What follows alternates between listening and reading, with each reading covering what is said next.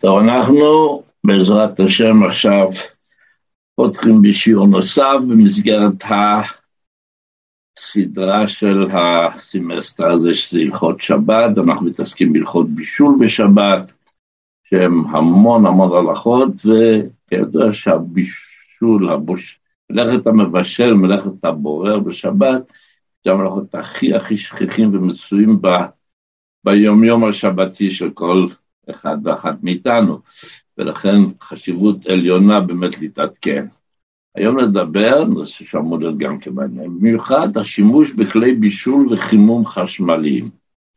כמעט אין בית בישראל שלא מקושר, מקושר לכלי בישול וחימום חשמליים, אם זה כלי בישול כפשוטו, המיחם, הפלטה עם החמין והמרקים והדגים וכל הדברים הטובים, או שזה הברס שמחובר לבוילר, למקור חימום המים בבית, שבדרך כלל הוא גם חשמלי וגם uh, על גז. בקיצר, הדברים האלה, בעזרת השם, יעודכנו ויתבהרו במהלך השיעור. ונפתר באמת במשהו שהוא קשור לשיעור קודמים שלנו, וזה ירענן לנו קצת את הזיכרון, והוא קשור לכלי החשמלי, שנקרא לו חשמלי כמובן, שזה המיקרוגל. אז תשימו לב איזה דברים מעניינים המיקרוגל יוצא לנו. לא שמישהו משתמש בשבת לחמם דברים במיקרוגל, כן? אבל עוד מעט תשמעו. אנחנו, היה לנו שיעור שעסק במלאכת המבשל, מה שנקרא בישול אחר בישול, כן? זכור, נכון? אז אמרנו שאין בישול אחר בישול ב... דבר שהוא כבר מבושל כל צורכו, והוא עדיין חם. אם מדובר בדבר יבש, אז בכלל אין בישול אחר בישול ביבש, כשהוא מבושל כל צורכו, אם יש לנו, אה, אם יש לנו, אם יש לנו אה, קציצות או סניצלים שאנחנו נוגעים בהם וביד, שנגרנו בה נוגעים ביד השנייה ולא נרטבת, לא מקבלת לחות, אז זה נקרא יבש, אפשר לייבש אותם ככה. בקיצור, זה מבושל כל צורכו, אפשר לחמם אותו בפני החימום המותרים, שבזה לא נחזור על זה שוב עוד פעם בהתחלה, איך, איפה מותר לשים את הדבר הזה, כמובן לא על הפלטה עצמה וכולי וכולי, זה לא השיעור שלנו היום. כל פנים, אין בישול אחר בישול ביבש, אבל יש בישול אחר בישול בלח. מה זאת אומרת? אם יש לנו דבר לך, מרק, כיוצא בזה, שהוא התבשל כבר, כל צורכו, אבל הוא עדיין חם בדרגת חמימות כזאת, שאדם שרוצים לאכול חם, זה מרוצים בדרגת החום הזה, אז כל עוד הוא עדיין חם בדרגה הזאת, הוא כבר התבשל פעם כל צורכו, אין בישול אחר בישול בלח. אם הוא יתקרא יותר, אז יש. עכשיו שימו לב. שיעור אחריו דיברנו על בישול אחר בישול, בישול אחר אפייה וצלייה, אפייה וצלייה אחר בישול, זוכרים? דיברנו בשקדי שקדי מרק, וכיוצא בזה, כל מיני דברים דיברנו. אז אמרנו שיש, למרות שאין בישול אחר בישול, אבל יש בישול אחר אפייה וצלייה ועוד להפך. מדוע? הסברנו את הטעם, ופה שימו לב, חשוב שתשימו לב לטעם, כי בכלל אנחנו עוברים למיקרוגרם. הסברנו, מה שכבר בפוסקים, קדמונים, שהתהליכים, הדבר שאנחנו עכשיו הולכים לעשות איתו פעולה של בישול, אפייה, צלייה, קלייה, לא משנה, אם הוא כבר עבר את התהליך הזה, למרות שהצטנן אחר כך, אין בישול אחר בישול. אבל במידה והוא עבר תהליך של אפייה, ועכשיו אתה מביא אותו לתהליך של בישול. או שעבר תהליך של בישול ואתה עכשיו מחמם אותו באופן שהוא הופך להיות לאפוי וצלוי, כפי שכל הדברים האלה נדברו בשיעור מיוחד שהוקדש לדבר, וכיום מפרסמים את השיעור בכל מיני דרכים של תקשורת, ואפשר להקשיב לשיעור עוד הפעם להתעדכן. אז אנחנו אומרים, אין בישול אחר בישול, אבל יש בישול אחר אפייה, אחר בישול, זה תהליכים שמשתנים. עכשיו, עם גדולי הפוסקים הפרמגוטיים, המנחת חינוך, דנים מה בנוגע לדבר שהתבשל בחמי חמה, חמה זה שמש, כן? ועכשיו אנחנו נעביר אותה לתהליך של בישול בחמי אור, אור זה אש, כן. עובדה, בשעה כותב לך פרימגודי, והבדל זה מלחס חינוך, שבהתחלה הוא לא ראה את הפרימגודי, אחרי כן ראה אותו ואומר שהנה ראיתי שכבר קדם לי הפרימגדים, שנסתפקתי, אני לא יודע. אבל שם בישול. בחום שמש. ניקח את הדוד שמש שלנו, יש לנו דוד שמש בבית, לרוב הבתים פה בארץ יש, ואני, יש לי מים חמים שהוחמו בדוד שמש, שבת לפתוח את הברז של המים החמים אסור, אבל פתחתי אותו מערב שבת וכיוצא בזה, לא משנה. יש לי עכשיו מים חמים מדוד שמש, ואני רוצה את החמים האלה, באופן הם נמצאים במצב שהגיעו כבר לדרגת בישול, כן? ואחרי כן עכשיו יתקררו קצת, הם, אבל הם עדיין חמים, עדיין בחום שאת צולדת בו, החום של קרוב לי את צולדת בו. עכשיו אני אשים אותו באופן של חימום באור, מה שנקרא. אז כיוון שאנחנו נמצאים בבעיה, אם יש בישול אחר בישול בישול בחמי אור אחרי בישול בחמי חמה או להפך, אז בספק, אנחנו לא ניגע בדברים כאלה, כן? עכשיו באים הפוסקים המאוחרים יותר של דורנו, של הדור, הדור, דורנו בעשרות השנים האחרונות, תמצאו את המיקרוגל. אז אני לא אכנס פה שם לבירורים ארוכים ושלא נוגעים לשיעור, אבל מיקרוגל הבישול לא נעשה באמצעות חום בכלל. מיקרוגל זה? מין פטנט כזה שנכנס ומזיז שם את האטומים והנוירו...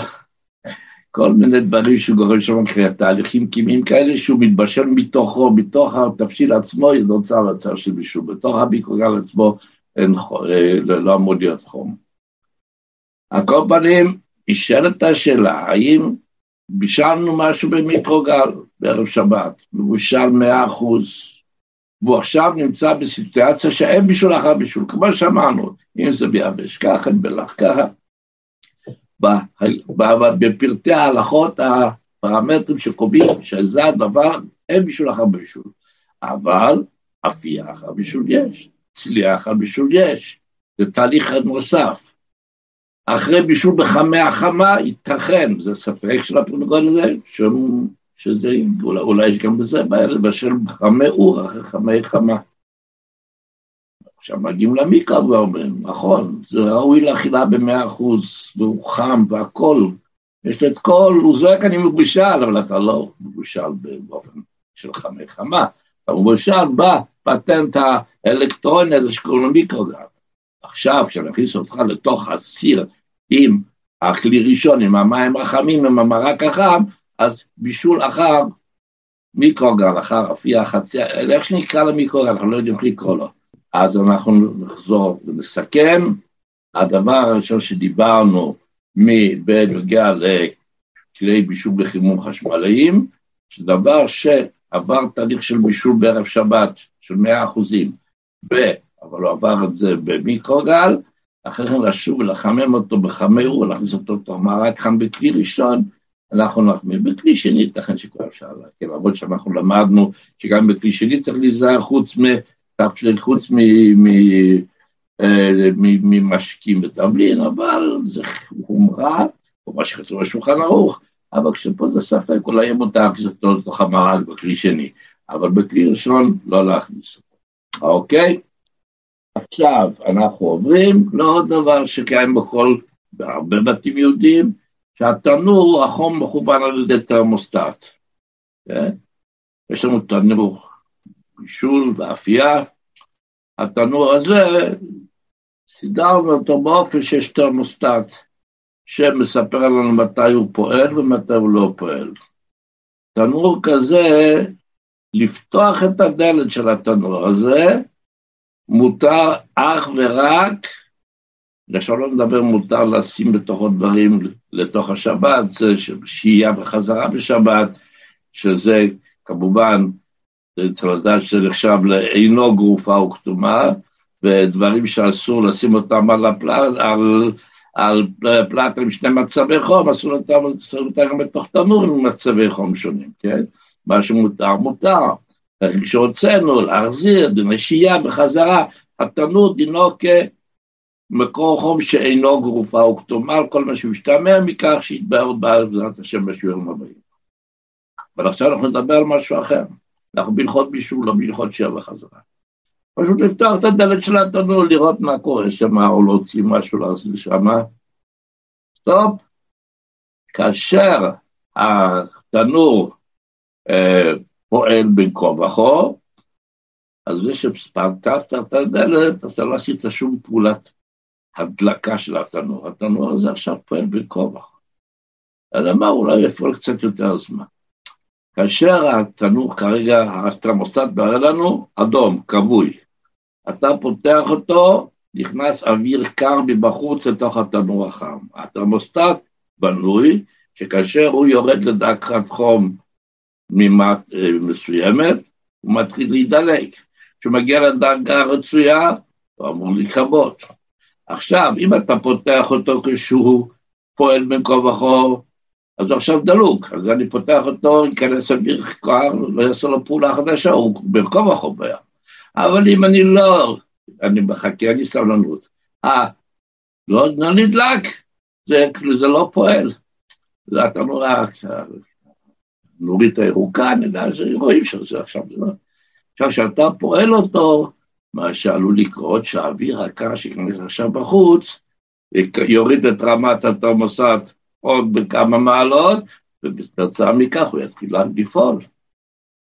ואם זה, וכל מיני דברים מהסוג הזה. לכן אנחנו נרצה לפתוח את התנור, להוציא מתוכו, להכניס משהו, לבדוק מה המצב וכולו וכולו, רק כאשר זה בין כה וכה פועל התרמוסטט. התרמוסטט מראה שעכשיו התנור מחמם, הוא עובד. וכאמור, אם נרצה להחזיר לתוך המשהו שהוצאנו מתוכו, או שיצא בהרשאות לשים לתוכו דברים, צריכים לדעת שהתנור הזה, בגלל שיש לו מצבי חום שונים, הוא כמו קירה שאינה גרופה וכתומה, ומה שמותר לשים על קירה שאינה גרופה וכתומה, מותר, ומה שאסור, אסור.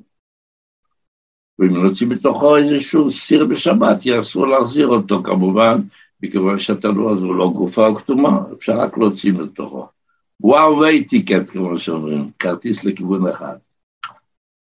ובכן, מחם חשמלי. גם זה דבר שנמצא כמעט בכל בית יהודי, יש כאלה שמהדרים, שמשתמשים רק באש של הגז, סימל לזה בלך, מה שקוראים חתיכת פח שמפרידה, כפי שהתרבו בשיעורים שעוסקים בדינים הללו, אבל כשמדובר על רוב רובם האחר של הבתים בישראל, יש מחם חשמלי שבתוכו יש מים חמים שאפשר לעשות את הקפה ואת התה ואת השתיות החמות בשבת, את הבקבוקים לתינוק וכולי. המחם חשמלי, אז ככה, יש בו כמה וכמה פרטים, יש פה איזה שלושה יסודות חשובים מאוד, כאשר אנחנו נפרט אותם לכסף קטן.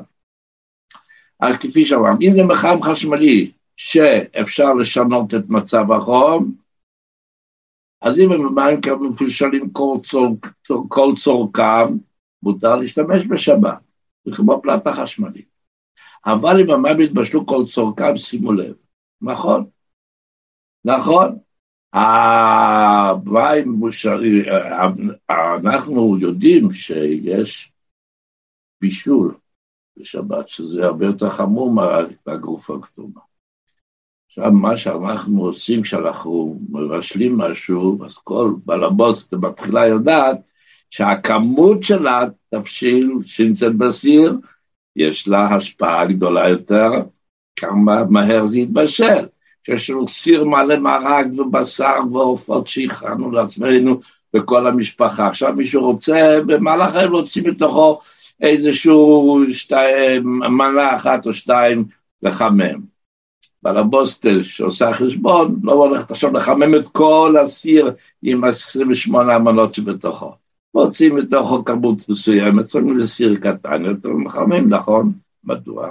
כי בסיר הגדול ייקח לנו חצי שעה שיתחמם. בכמות הזאת, זה בתוך עשר דקות, זה כבר חם. עכשיו, כשאנחנו מפחיתים מהכמות בסיר, או מהכמות המים שבמרחב, אז זה מבושל כל צורכו, מה זה משנה, אין בישול אחר בישול, כאשר זה מבושל כל צורכו וזה עדיין חם. אבל אם זה עדיין לא יתבשל כל צורכו, אנחנו בערב שבת ברגע האחרון הזכרנו להפעיל את, ה, את המחם הזה, וזה עדיין לא מבושל כל צורכו, זה עדיין בתהליך של להגיע למבושל כל צורכו. עכשיו, אם אנחנו נצטרך להוציא כוס מים בשביל לעשות בבוק לתינוק, או שכבר אנחנו אחרי קידוש שמותר גם לנו לשתות, אבל מה לעשות שזה עדיין לא הגיע לדקת החום שמבושל, בכך שהפחתנו את כמות המים, ביהרנו את הליכה בישול, כמו שאמרנו קודם, הכמות הגדולה תתבשל בעוד עשרים דקות, הכוס מים שיוצאת תתבשל בעוד עשרים ושלוש, בתוך תשע עשרה דקות בשבע עשיריות, לא משנה, אפילו משהו, אסור, אסור למהר את הליכה בישול בשבת. אז לכן, כותב הגאון רבי משה פיינשטיין, זה פשוט, דבר פשוט ומובן, להקפיד באמת שלפני השבת המחם כבר יהיה מבושל כל צורכו, כדי שלא חס וחלילה בשגגה נפתח את המים וחשבנו שזה כבר מבושל כל צורכו וזה לא היה ומיהרנו את תהליך הבישול בהפחתת כמות המים. עכשיו, אם מותקן תרמוסטט, כן? יש את ה... בטח במוסדות, אולי גם בבתים פרטיים, אני רואה את זה בדרך כלל במוסדות, אצלי בבית אין את זה, אבל אם יש לנו כזה תרמוסטט, שגם כן פה נדלק נורית ירוקה, נורית אדומה, כשמגיע לדקת החומר תשועה, כן? אז אם מותקן תרמוסטט, אז בכלל אסור להוציא מים בשבת, גם מבושלים לגמרי, כי התדירות של פעילות התרמוסטט תלויה בהגעת המים לחומר רצוי. ואז הוא יכבה. כשירד מתחת לרמה הזאת, הוא יתבשל. וכפי שאמרנו, כמות המים משפיעה על כך. אם יש כמות קטנה יותר, ההתייחס של המים והכיבוי וה, וההצטננות, הם יהיו בתהליך מהיר יותר, כשיש כמות גדולה, לוקח לו יותר זמן להתבשל וגם לוקח יותר זמן להתחבות, כלומר אנחנו בהוצאת כוס המים מה... מהמחם של בתרמוסטט, השפעה ישירה, עקיפה נקרא לזה, של ליתר ביטחון, בהגעת המים לחומר רצוי בירידה מתחת לרמה, כלומר כיבוי ובישול בשבת. כך כותב בשביל מנחת יצחק, ויש על זה מהגאון של זלמן בפרק דין שונה אולי קצת, ודיברנו על זה, מי שרוצה, אוהבים לראות את הדברים במקורם, ויש להם ידע מקדים שאולי לכאורה כתוב במקומות אחרים אחרת, הסתכלו בספרינו שבת כהלכה בחלק ראשון שעוסק כל כולו בדיני הבישול, בפרק השישי, הערה עוד ו', פרק עוד ו', שאנחנו מתייחסים לדברי מי שמשמע מדבר אולי להקל, ודנים שלכאורה זה קשה מאוד לקבל את זה. עכשיו יש עוד דבר מעניין. הברז של ה... הברז של הבריכה מותקן בתחתית הבריכה, נכון? אז צריך לדעת, יש בתלמוד ירושלמי, אספר לכם קודם על זה, ותבינו את ההיקש. מולייר הגרוף, מולייר זה מכלי חרס כזה שבתוכו יש מים חמים, כן? ומובנה בקיר, בדבר הזה, מקום שמלמטה מכניסים בו גחלים, והוא מתחמם בתוכו מים. אז כתוב שאסור להשתמש בו בשבת, תלמוד ירושלמי. מדוע? כי קיים חשש ככל שהמים מגיעים לסוף ולמטה ממשיכים הגחלים לעשות את פעולתם, יתפוצץ לנו המוליאר הזה. אז אסור להשתמש בו, שמא האדם יפחד שזה ישתר, שזה יתפוצץ, ואז הוא יוסיף מים, חס וחלילה, יוסיף מים מהברז בשבת. עם הפוסקים האחרונים ודנים בנוגע למחם שלנו, שיש הברז המים נמצא בתחתית, וכאשר זה מגיע לסוף, אז אם זה מסודר ככה שאין חשש שיקרה לנו משהו, שוב איזה אסון, יגיע לסוף, אז זה ייגמר וזהו. אז יש, אבל אם לא, אם זה כזה שאנחנו לא, לא מכבים אותו, הוא יכול לגרום להישרף ולהינזק וכיוצא בזה, אז צריך עדיין לחשוש שמהדאגה שמא יצאו כל המים וגוף החימום יישרף, יוסיף מים בשבת כדין מול יער הגרוף שדיברנו. ולכן מגבילים את השימוש במחם כזה באחד משני התנאים. או שיש צינור זכוכית שצמוד למחם, משום ברוב המחמים המשוכללים פחות או יותר יש צינור מים בצד, ואז אתה רואה לאן המים הגיעו, כשאתה רואה שהמים הגיעו למקום, לדרגת סיכון, שבמידה וזה ייגמר, עלול פה להיגמר ולהישרף לנו מהגוף החימום, ולהפסיק להשתמש בו. עכשיו אתה נמצא במולייר הגרוף. או שהברז מותקן גבוה מתחת לקרקעית המחאה, ותמיד נשארים מספיק מים מתחתיו שם מוצא שבת, זה לא ייגמר לגמרי, אז גם כי מותר, אבל יש תנאי. שימו לב, לא לכופף את המחם, כן? כשאנחנו כבר לא יוצא לנו כמו שצריך להתחיל לטפטף מה אנחנו עושים, מכופפים את המחם, ואז יוצאים, ממשיכים לצאת מהחמים. אבל אז אתה גוזל את המים שמתחתית הברז, ואז אתה שוב נכנס לבעיה של מול יער גרוף. מעניין, אה? דברים שלא חלמנו ולא חשבנו עליהם. ואני הקטן בתוכם, עד שלא עסקתי בנושא, לא ידעתי. וכמו כל דבר הלכה, בפרט הלכות שבת, שחוסר הידע כידוע מובהר בפוסקים, שאין מצב לא להיקשר חס וחלילה בחילול שבת אם לא יודעים את ההלכה, והשם הטוב ימחל ויסלר ויגן ויושיע. נמשיך הלאה. פלטה שמופעלת על ידי שעון שבת. בדרך כלל בבית, בואו ניתן לזה את ה... שזה שם, קוראים לזה חרדי. בית שומר תורה ומצוות, מה חרדי לא חרדי? שומר תורה ומצוות. לא משנה איזה סוג רביים ואיזה סוג כפותו למשל. בית שומר תורה ומצוות, בדרך כלל לא, לא נזקקים להיתרים כאלה, אבל אני נשאל מזמן לזמן בטלפון את השאלה הזאת גם כן. יש לנו שעון שבת, הפלטה מחוברת עם שעון שבת, שבשעה מסוימת, אבל עכשיו פלטה קבויה, אנחנו משלמים חשמל, כל קילוואט חשמל, צריך לדעת שזה לא, לא הוצאה גדולה, זה הרבה פחות מרבע עוף אה, המחיר שהחשמל עולה לנו בשנה. אבל לא משנה, יש אנשים שרוצים שהם ישימו דברים על הקירה, וכאשר יגיע הזמן, הוא יחמם אותם. אנחנו עכשיו הולכים לישון, רוצים שבבוקר מוקדם, קם מוקדם בערב בשבת, בשבת, שינה בשבת תענוג עוד אומרים, ראשי תיבות.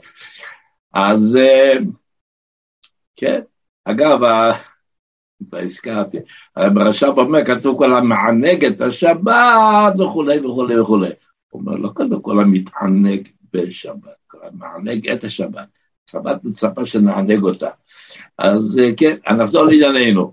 אנחנו, יש לנו פלטה, יש שעון שבת, רוצים לשים בלילה לפני שהולכים לישון, לשים כל מיני דברים על הפלטה, שכאשר היא תדלג על ידי השעון שבת, ב-4, 5, 6, 7, 8 בבוקר, היא תתחיל לבשל את הדברים הללו. כן? הדבר שאין בו משום בישול, כמו תבשיל יבש כמו התבשל כל צורכו לשיצטנן, אז אם מדובר בפלטה שמוגדרת כגרופה וכתומה, אין בה מצבי חום, יש בפלטות של שבת הרגילות, מותר. שוב, דברים יבשים, שאין להם שום דרגת לחות שצולדת בו, יש להם שום דרגת לחות. דיברנו קודם, תופח מנס להטפיח. אתה יכול לשים את הקציצות האלה הממשלות קור צורכם שהן יבשות על הפלטה, ושעון שבת יחמם אותם כך וכך זמן לפני האוכל. אוקיי? או שבאמת רוצים שאנחנו יוצאים לבית הכנסת, וחוזרים, יהיו לנו קציצות ושניצלים חמים, אבל כשאנחנו מגיעים הביתה, ש... אז נשים את השניצלים במקרר, ייקח זמן, וכשיגיע לסעודה הם לא יהיו מספיק חמים. אנחנו רוצים לשים אותו, אנחנו חוזרים לכנסת בשעה 12, או שאנחנו עובדים, שחוזרים ב-2, 3, אז שמים, מסדרים את שעון שבת, שיפעיל את הפלטה בשעה 11, 10, מתי נהיה בבית הכנסת, עד שנחזור הביתה, נמצא אותו, בסדר, שוב. אם אין שתי מצבי חום בפלטה, ומדובר בתבשיל יבש, יתבשל כל צוקולה שנצטנן, אז מותר לשים את הדברים האלה לפלטה, שכאשר יגיע הזמן, השעון ידלק ויחמם אותם. אבל אם לא דבר שיש בהם משום בישול, אסור. למרות שאני עושה את הפעולה בערב שבת, ולא ניכנס לפרטים, מי שרוצה יסתכל בספר, זה ההכרעה של הגורם של מזמן אורבור, האגרות משה משה פיינשטיין, ציפי ספרנק, והספר שלנו, חזוני, שאנחנו בספר מדברים על זה שגם הוכחנו שדת שולחן אורך אדמו"ר הזקן בלתניא, שהיום, איזה יופי שיצא לו יום סגולה כזה בכ"ד טבת ביום ההילולה, של האדמו"ר הזקן בלתניא בשולחן ערוך, אנחנו זוכים לעסוק בשולחן ערוך שלו, אז ככה אנחנו מוכיחים מהשולחן ערוך של האדמו"ר הזקן גם כן, שלדעתו זה אסור. שוב, לשים מרק, לשים חמין, לשים דברים שיש להם בדרגה של לך, הם כבר הצטננו כמובן, אז אם יגיע, אז אסור לי לעשות גם את הפעולה הזאת, לשים בערב שבת את השעון שבת, שיתחיל לבשל אותם בשבת, כי לבשל, כן, בישול אחר בישול, זה פירוש שזה יבשל בשבת, כן, אני מבשל בשבת, אבל לא מדליק את האש, לא תוקע את פלטה של הקיר, אני כבר בערב שבת ידעתי שיבשל, זה אסור. האם מישהו ישאל, רק רגע, ומה עם החימום בבית שלנו? מה קרה עם ה... גם שם אנחנו לכאורה עושים שעון שבת, שיכבה את, ה... את ההסקה בשעה פלונית, את התמור שונה, ידליק אותו בשעה אלמונית שוב בשבת, ויש מים ב... ב... בתוך הרדיאטורים האלה שמעבירים את החימום של ההסקה המרכזית לבית, אז מדברים על זה, אל תדאגו, זה פשוט לא הזמן במקום, בשיעור מהסוג שלנו, מי שרוצה יסתכל בספר בהערה י' בפרק שישי הזה שאמרתי קודם, בהערה י', י' כוכב בעצם, י' עם כוכבית, שם אני מסביר את ההבדל, מה ההבדל במערכות הסקה, שנוהגים להקל שכן מסדירים שעון שבת בערב שבת, שידליק ויכבה את האידיאטורים כרצוי, למה אמרו לנו פה שלבשל אסור על הפלטה באופן כזה. על כל פנים בשבת עצמה, לשים על הפלטה דבר שאני יודע שעוד מעט זה יתחיל לחמם, יו, אפילו תפשיש אין בו בישול, לא לשים לחמם, גם אם הנחנו את זה בערב שבת והורדנו, לא לשוב ולהניח. זה עניין של חזרה בשבת, זוכרים, כן? אני הזכרתי את זה כבר כמה פעמים, אנחנו לא בשיעור של חזרה, אבל אנחנו יודעים שאם הורדנו משהו מהאש, גם שאנחנו לא מדליקים שום אש, יש לנו פלטה שבוערת מערב שבת נורמלי. אבל אם הורדנו משהו ועזבנו אותו כבר מהידיים, אסור להחזיר אותו. וכל שכן של דבר שלא נמצא שם, מערב שבת נמצא במקרר, שאסור לשים אותו על הפלטה גם אם אין בו בישול, זה לא קשור לדיני בישול, זה דיני החזרה בשבת. אז כמובן שאותו דבר בדבר שלנו, אז למרות שאני שם את זה לפני שהשעון מפעיל את הפלטה, ותפשיל שאין בו משום בישול, לחמם, אסור, זה קשור לדיני החזרה. ואם הורדנו אותו, אז כמובן אסור להחזיר. והנה יצאנו מהעניין, מהעניין הזה, ואנחנו עכשיו נדבר על הדבר המאוד שכיח, שימוש בברז המים החמים. בפרט בחורף, קר, המים קרים מאוד, איך והאם אפשר להשתמש בברז המים החמים. נקדים ונאמר שתי הקדמות חשובות, שנוכל לזרום בהמשך השיעור. א', וכל מה שאנחנו נדבר עוד מעט על ידי שזה מים חמים שמתחממים בדוד על הגג בשמש, ויש דוד שמש, או שמתחממים בחום האש או החשמל וכיוצא בזה שיש בהסקות ביתיות. דבר שני, פה צריך כאן להסביר, יש שני סוגים של מים חמים שמגיעים אלינו בש... בשבת, ביום חול, לא משנה. יש מה שמכונה בוילר, יש דוד שנמצא על הבוידים איפשהו בבית, אנחנו מדליקים אותו בערב שבת, במשך השבוע, מתחממים בו כמות של מים, מתקלחים, שוטפים כלים, עושים כל מה שצריך, יש לנו מים חמים. הבוילר הוא מושפע כמובן, כאשר אנחנו פותחים את הברז של מים חמים בכל פינה בבית, הענק שלנו שקדוש ברוך הוא חלן אותנו בחמשת החדרים, והחדר האחרון נפתח את הברז של המים החמים, מגיעים מים מהבוילר, יוצאים החוצה, זה לא בעיה. מה שהבעיה בשבת היא, שאם אנחנו פותחים פה את הברז, מתחילים אוטומטית להיכנס מים קרים מהברז המרכזי של הבניין לבוילר. כן, זה חוק ידוע, כן, מי שלמד קצת. אני יודע שזה חוק שברגע שאתה מוציא מים, נכנסים לשם את המים החדשים.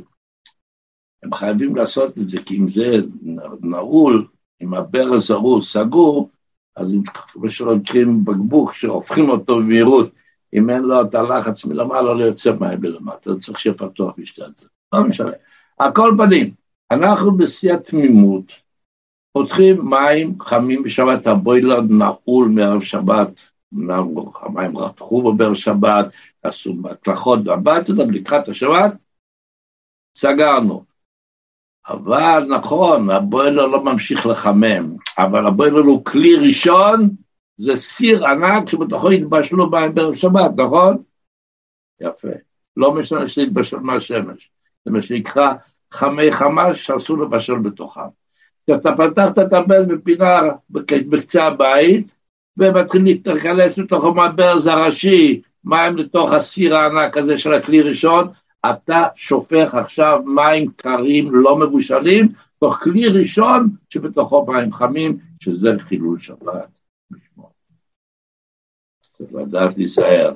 ברז המים החמים שבאים מהבוילר, כבר שכל פתיחת ברז נכנסים מים צוננים לדוד, אז אם המים שבתוך הדוד הם עדיין חמישה צונדת בו, מערב שבת, כן?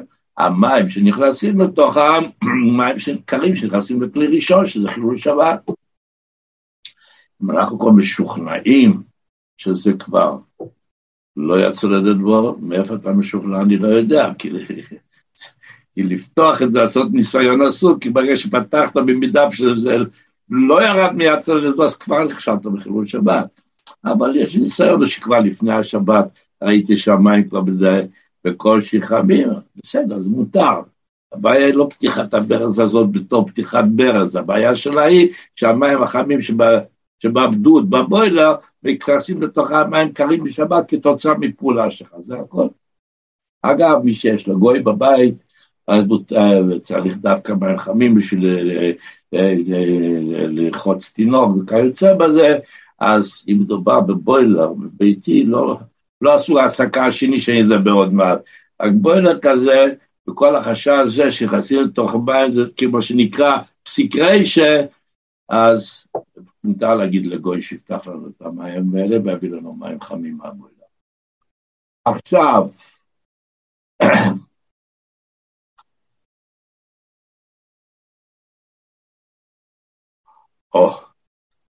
זה בנוגע לבוילר.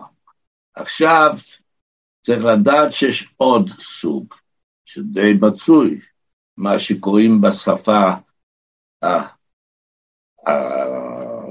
המוקדמת יותר, לא יודע, הדור שלנו מתקדם לכל מיני ביטויים חדשים, קראו לזה פעם יונקרס, זה העסקה ביתית. יש העסקה ביתית, ואנחנו כמעט לא משתמשים בבוילר, כיוון שיש לנו ברגע שאנחנו רוצים מים חמים, אנחנו פותחים את הברז, והתנור הזה נותן לנו מים. פה זה עובד בצורה לגמרי אחרת, יש שם דודי מים. יש שם מין, כמו שיש בגז, תנור גז, יש שם משהו גדול וענק יותר, שמוציא בבת אחת אש ענקית, אבל הוא לא עובד כל הזמן. יש נורית קטנה ששם דולקת תמיד, תמיד, תמיד. הנורית הקטנה הזאת, לא עובדת סתם ככה, היא רק, רק היא עובדת. כאשר אנחנו פותחים את הברז המים החמים בכל פינה בבית, יש שם בתוך היונקרס הזה צינור נחושת מפותל כזה, שהוא חיישן, מפעיל חיישן. ברגע שעוברים דרכו מים, פתחת את הברז איפשהו בדירה, מתחילים מים לעבור דרכו, ברגע שעוברים דרכו, הוא החיישן נותן פקודה, הברנר הענק נפתח הגז בו, והבויל, והנורית הזאת מדליקה אותו, אפשר לשמוע גם את הקול של אש, ואם יש חלונית קטנה, אז רואים גם שאש גדולה דולקת שם, אש כחולה יפה, וזה כל הזמן שהמים עוברים דרך, הצינור, דרך הצינורית הזאת, רק דרכו עוברים, הם יוצאים החוצה, נכנסים לצינורית קרים, מתחממים באמצעות האש הענקית הזאת, ויוצאים אלינו במטבח, מים חמים. כלומר, ברגע שפתחת את הדבר הזה, הדלקת אש, אתה לא מודע לכך, אבל אתה הדלקת פשוט אש ענקית בשבת. ברגע שאתה תסגור את הברז, ותשקע אש. אז אם שוגג מישהו, ילד או מישהו פתח לנו את המים החמים בשבת, אנחנו אומרים, מה עשית? עכשיו דלקה, בוא נסגור. לא, לא, לא. ברגע שתסגור אתה מכבה שם את האש. בקיצור, בעיה. אז זה בכלל אי אפשר להשתמש בו. אבל בואו, אנחנו נתקדם בברז החמים שלו באמצעות הבוילר, וגם באמצעות ה...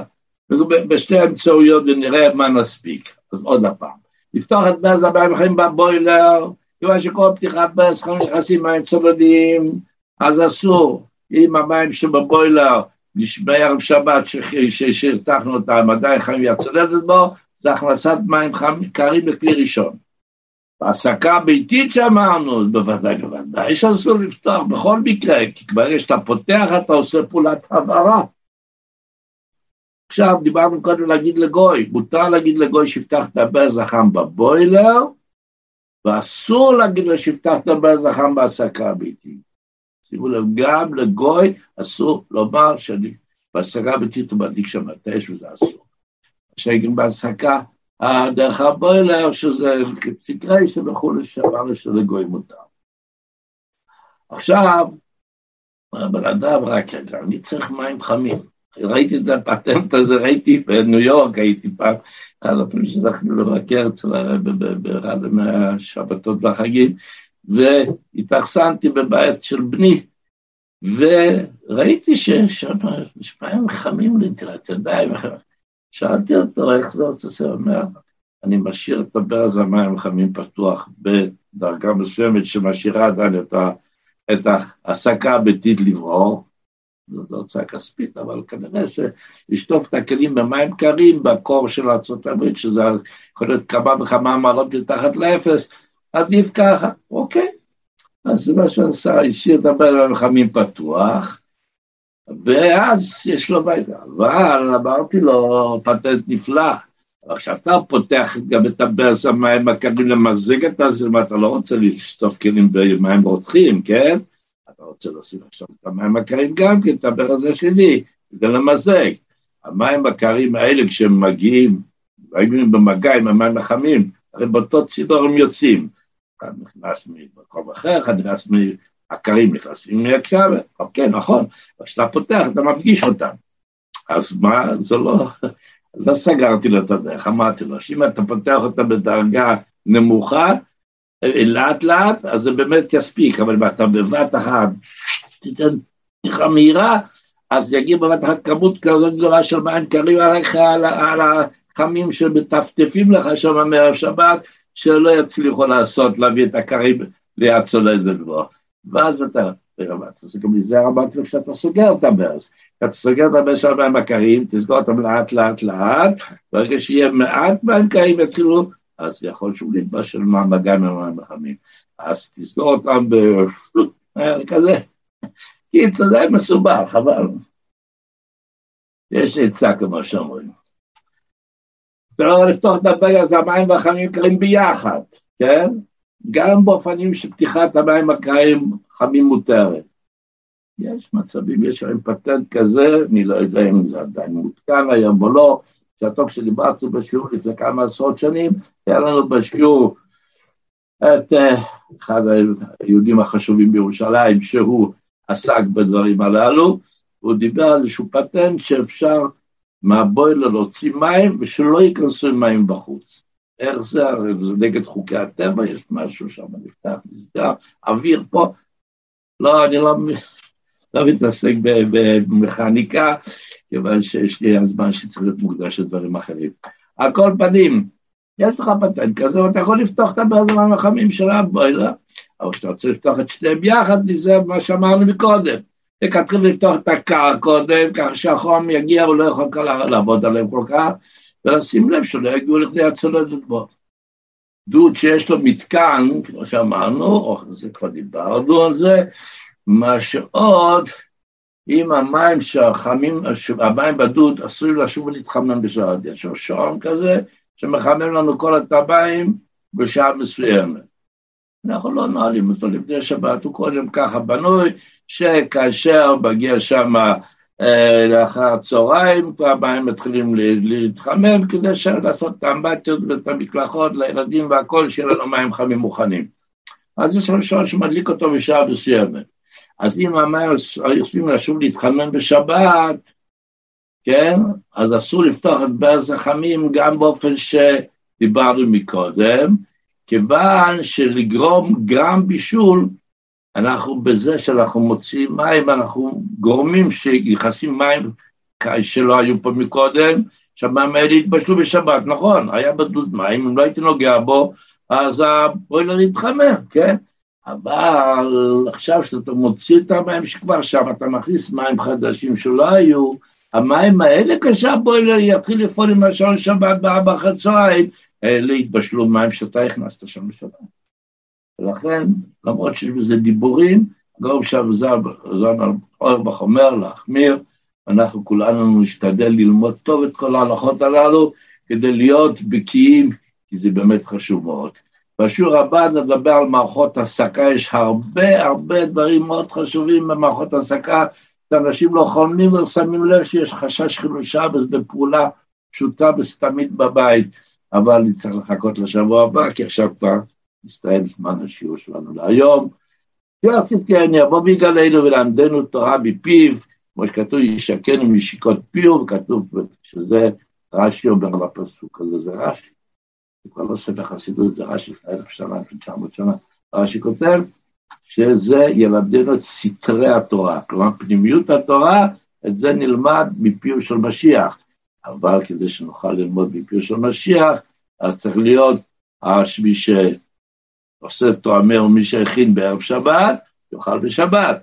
שזה הקדוש ברוך הוא זיכה אותנו בתורת החסידות, שמלמד אותנו פנימיות התורה, לדרגות שאנחנו יכולים להשיג במוחנו כיום, וכשמשיח יבוא ויגלנו, נאו ממש בגול לדידן, אז נזכה לשמוע את התורה הזאת בפיו, וזה יום ההילול השבוע הזה, בעלת תניא והשולחן ערוך, מה מסוגל.